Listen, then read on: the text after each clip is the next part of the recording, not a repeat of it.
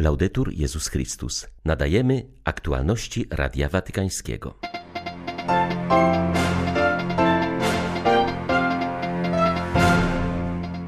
Papież Franciszek ustanowił Światowy Dzień Dziadków i Osób Starszych, który będzie obchodzony w każdą czwartą niedzielę lipca w pobliżu wspomnienia świętych Joachima i Janny. Chory cierpi z powodu odbioru społecznego swojej dolegliwości, to czyni go podatnym na choroby psychiczne. Czytamy w przesłaniu prefekta dykasterii do spraw integralnego rozwoju człowieka z okazji 68. Światowego Dnia Chorych na Trąd.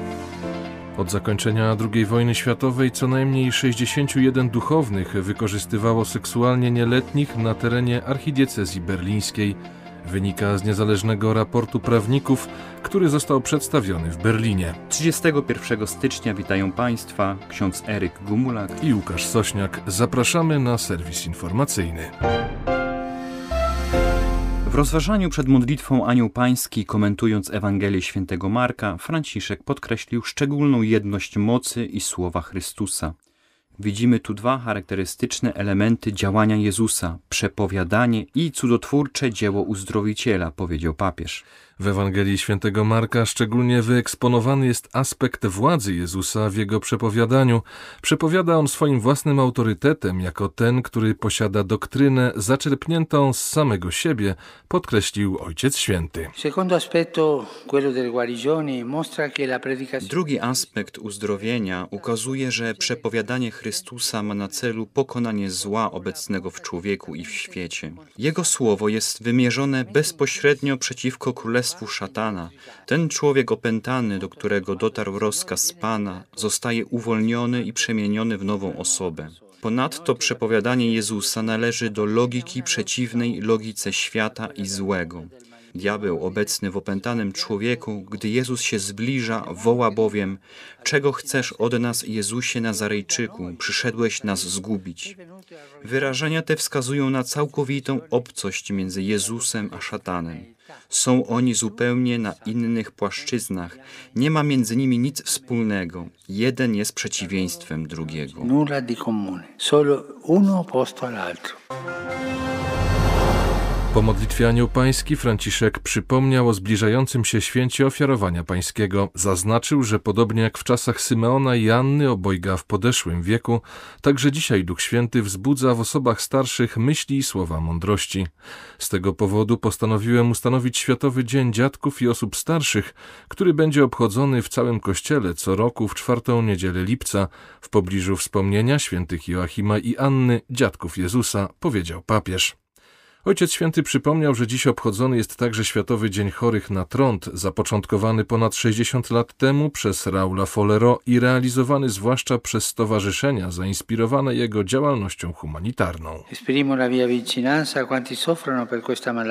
Wyrażam moją bliskość z tymi, którzy cierpią z powodu tej choroby i wspieram misjonarzy, pracowników służby zdrowia i wolontariuszy zaangażowanych w posługę na ich rzecz. Pandemia potwierdziła, jak bardzo konieczna jest obrona obrona prawa do zdrowia osób znajdujących się w najtrudniejszej sytuacji. Chciałbym, aby przywódcy narodów zjednoczyli swoje wysiłki na rzecz leczenia osób cierpiących na chorobę Hansena i ich integracji społecznej. E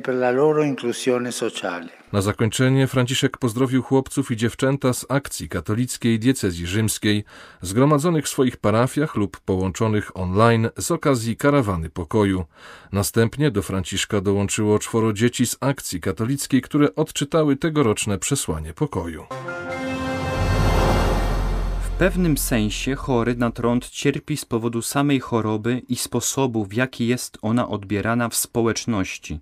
Czytamy w przesłaniu prefekta dykasterii do spraw integralnego rozwoju człowieka z okazji 68. Światowego Dnia Chorych na Trąd. Kardynał Peter Tarkson zauważa, że trąd jest dzisiaj chorobą uleczalną, ale jego pokonanie oznacza coś więcej niż tylko walkę na poziomie medycznym. Szef watykańskiej dykasterii zauważa, że w ostatnich dziesięcioleciach służba zdrowia poczyniła ogromne postępy w walce z trądem. Opieka zdrowotna poza leczeniem fizycznych dolegliwości danej osoby powinna również uwzględniać wymiar społeczny i psychologiczny. Pochodzący z Gany hierarcha podkreśla, że według Światowej Organizacji Zdrowia stygmatyzacja pozostaje wyzwaniem dla współczesnej diagnozy i skutecznego leczenia trądu. Jak stwierdza WHO, wielu pacjentów nadal doświadcza wykluczenia społecznego, depresji i utraty dochodów. Priorytetem pozostaje promowanie włączenia wszystkich ludzi do społeczeństwa i zapewnienie ich integracji. Pandemia koronawirusa znacznie ograniczyła niesienie pomocy osobom chorym na trąd. Wprowadzone w wielu krajach obostrzenia w przemieszczaniu sprawiły, że mają one utrudniony dostęp do ośrodków zdrowia i potrzebnych leków. Mimo nacisków nie zamknęliśmy naszej przychodni. Stosując konieczne środki ostrożności, nikogo nie zostawiliśmy bez pomocy, mówi dr Helena Pys z Instytutu Prymasa Wyszyńskiego, która od ponad 30 lat kieruje ośrodkiem rehabilitacji trędowatych Jivodaya w Indiach. Choroba najczęściej dotyka osoby niedożywione. Dzięki odkryciu antybiotyków jest całkowicie wyleczalna, a wcześniej wykryta i leczona nie powoduje widocznych okaleczeń, które są w społeczeństwie stygmatyzującym piętnem. Wielkim skandalem XXI wieku jest to, że trąd ciągle istnieje i nadal zbiera tragiczne żniwo, mówi Radiu Watykańskiemu dr Helena Pys. Trąd jest w Indiach chorobą endemiczną, więc wciąż odkrywam nowe przypadki trądu. Niektórzy przychodzą, ponieważ podejrzewają, że zmiany na skórze zwiastują właśnie to schorzenie. Najczęściej jednak trąd jest wykrywany przypadkowo. Pacjent zgłasza różne niezwiązane z tą chorobą dolegliwości, a my odkrywamy, że są już zmiany na skórze. Niestety wciąż są osoby, które lekceważą te objawy. Miałam ostatnio pacjenta z bardzo zaawansowanym trądem, który przez ponad rok nie zgłosił się do lekarza. Takich pacjentów na szczęście jest coraz mniej. Zawsze wtedy zastanawiam się tylko, ilu następnych zaraził. Uważam, że wielkim skandalem XXI wieku jest to, że trąd ciągle istnieje. A pandemia sprawia, że zwiększy się poziom niedożywienia, a więc znów spadnie odporność własna różnych ludzi na wszystkie choroby. Natomiast ilość zachorowań na trąd może nawet paradoksalnie spaść ze względu na większą izolację całych społeczności. Kiedy prawo staje się tyranem, taki tytuł nosi artykuł poświęcony przypadkom zaprzestania odżywiania i karmienia kolejnych pacjentów nie będących w stanie terminalnym, o czym decydują lekarze i sądy wbrew woli rodziny. I choć nie ma w nim mowy o sprawie zagłodzonego na śmierć w Wielkiej Brytanii Polaka, to można odebrać ten głos jako pośredni komentarz Watykanu. Artykuł został bowiem opublikowany w dzienniku L'Osservatore Romano, a jego autorką jest profesor Gabriela Gambino, podsekretarz dykasterii do spraw życia. Włoska bioetyk wskazuje, że decyzje podejmowane są coraz częściej przez lekarzy na podstawie wyroków sądów, które z góry dekretują wcześniejszą śmierć bazując na rzekomych ocenach przyjętych w tzw. Tak najlepszym interesie pacjenta. Tym samym życie niektórych ludzi uznawane jest za mniej użyteczne, pożądane i potrzebne. Profesor Gambino przypomina o fundamentalnej zasadzie medycyny, jaką jest ciągłość opieki, czyli gwarancja leczenia aż do naturalnej śmierci. Negowanie tego jest wynikiem postępującej praktyki eutanatycznej. Bioetyk przypomina stanowisko Kościoła o tym, że odżywianie i nawadnianie nie są terapią medyczną, ale stanowią formę pielęgnacji należnej osobie pacjenta, pierwotną i niezbywalną. Zaprzestanie tego jest formą porzucenia pacjenta porównywalną do eutanazji, gdyż zaniechanie opieki niesie ze sobą jego śmierć. Profesor Gambino pisze też o narzędziach prawnych, które odbierają rodzinie chorego wszelką nadzieję, Nazywa to brakiem szacunku wobec tych, którzy wierzą w działanie Boga w najtrudniejszych życiowych próbach i mają prawo do respektowania własnej wiary chrześcijańskiej także w przykazaniu nie zabijaj. Państwo prawa musi to uwzględniać. Duch świętego księdza Jana Bosko jest promykiem światła w miejscu, gdzie zazwyczaj panuje rezygnacja i smutek. W zakładzie karnym dla nieletnich w stolicy Madagaskaru Antananarywie, w tym jednym z najbiedniejszych krajów świata, Salezjanie regularnie odwiedzają chłopców odbywających karę pozbawienia wolności. Odprawiają dla nich msze, przynoszą ciepłe posiłki, organizują wolny czas i dają przestrzeń do rozmowy. Posiłki przygotowujemy w domu i dostarczamy gotowe, bo wcześniej, gdy przynosiliśmy wyłącznie składniki, to niestety były one zabierane przez strażników, wyjaśnia ojciec Herman Solonomen Janary. Niektórzy młodzi ludzie są źle traktowani przez funkcjonariuszy służby więziennej. Zdarza się, że nie dostają jedzenia, a prezenty, które od nas otrzymują, na przykład ubrania, kradną strażnicy. Dzięki naszej obecności chłopcy mogą wyrazić swoje udręki i trudności, z którymi codziennie się spotykają. Jest ktoś, kto ich słucha. Wielu z nich wyrzekły się rodziny, więc nasza obecność jest dla nich chwilą nadziei, nawet w takich trudnych warunkach. Odprawiamy też dla nich msze i prowadzimy modlitwy. Potem jemy razem obiad i organizujemy zajęcia rekreacyjne. Wtedy jest też czas, aby porozmawiać.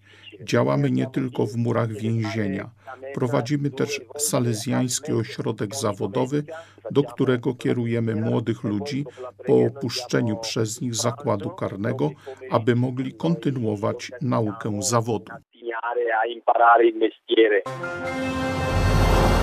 Co najmniej 61 duchownych wykorzystywało seksualnie nieletnich na terenie archidiecezji berlińskiej w okresie od 1946 roku do 2019. Wynika to z niezależnego raportu prawników zleconego przez archidiecezję, który został przedstawiony w Berlinie. Raport liczy prawie 670 stron i ujawnia, że co najmniej 121 osób padło ofiarą 61 duchownych. Tylko 21 spraw zostało zbadanych przez świecki wymiar sprawiedliwości, a tylko w 15 przypadkach archidiecezja rozpoczęła procedury kanoniczne. Dwie trzecie ofiar stanowili chłopcy. Według kancelarii, która przygotowała raport, większość przypadków nadużyć miała miała miejsce w latach 50. i 60.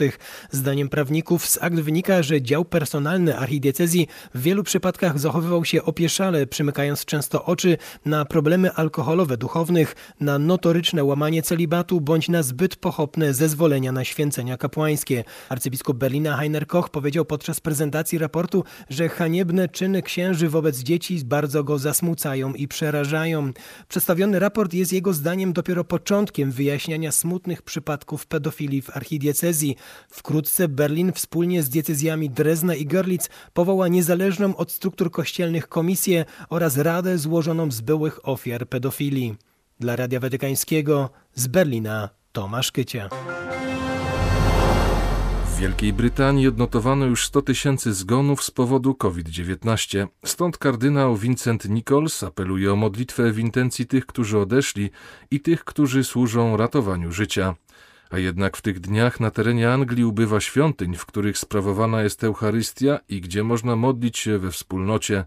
Nie jest to wynik polityki rządu, który jak dotąd nie zmienia decyzji o konieczności pozostawienia miejsc kultu otwartymi. Wielka Brytania znalazła się wokół cyklonu, jeśli chodzi o liczbę ofiar pandemii.